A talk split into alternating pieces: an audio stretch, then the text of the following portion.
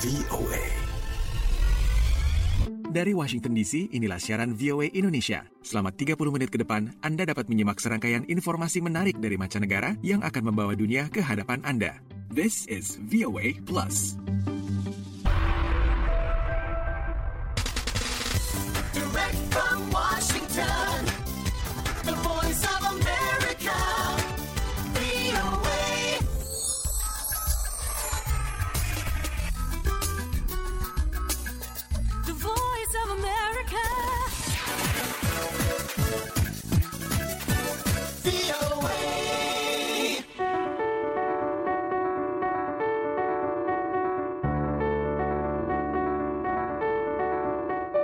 Seorang perempuan dari Medan, Sumatera Utara, belum lama ini diundang ke Amerika Serikat untuk mengikuti konvensi pelatih sepak bola berkat kepeduliannya terhadap anak perempuan di daerahnya. Berikut laporan selengkapnya.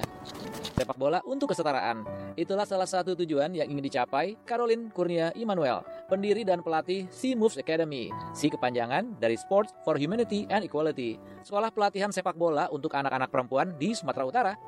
Didirikan sejak tahun 2019, anggotanya kini berjumlah sekitar 70 anak perempuan yang berasal dari Medan, Deli Serdang, dan Binjai.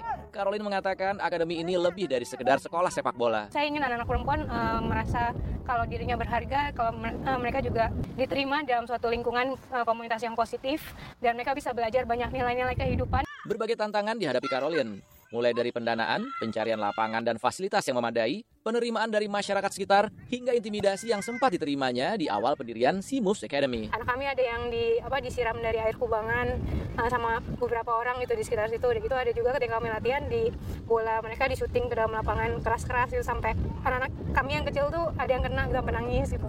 Namun berkat kegigihannya, bukan hanya kegiatannya ini mulai diterima dan didukung oleh masyarakat sekitar, tapi juga oleh beberapa pelatih sepak bola di Amerika. Seperti Sean Smithson, pelatih klub sepak bola di Ellicott City, negara bagian Maryland, yang ikut mensponsori kedatangan Caroline di Amerika.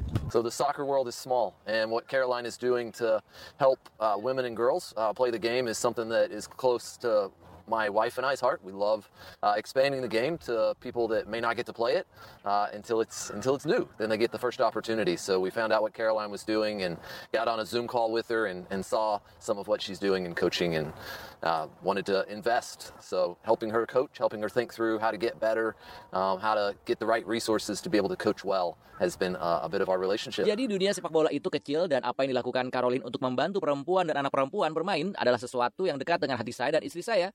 Kami sedang memperluas permainan ke orang-orang yang mungkin tidak dapat memainkannya sampai kemudian mereka mendapatkan kesempatan pertama.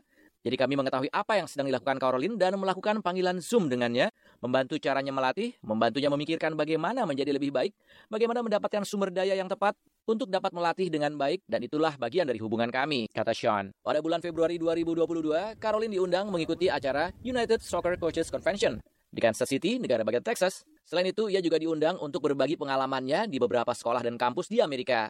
Bagi para anggota She Moves Academy, yang dilakukan Caroline memang bukan hanya melatih sepak bola, seperti yang dikatakan Petri, Alvira Damayanti, Nining, dan Kindara, murid dari She Moves Academy. Sebelum kenal SIMO, saya tidak punya tujuan hidup. Saya hanya berjalan sesuai yang saya pikirkan itu baik. Tetapi setelah saya kenal SIMO, saya jadi punya tujuan hidup. Saya rasa hidup saya lebih berarti daripada yang sebelumnya. Lebih kenal komunikasi kepada yang lain. Saya tahu sekali arti berharga itu apa. sekarang saya bisa eh, percaya diri. Beberapa anggota Moves Academy kini ada yang sudah mengantongi lisensi kepelatihan futsal level nasional di Indonesia. Irfan Ihsan dan Ronan Sakaria, VOA.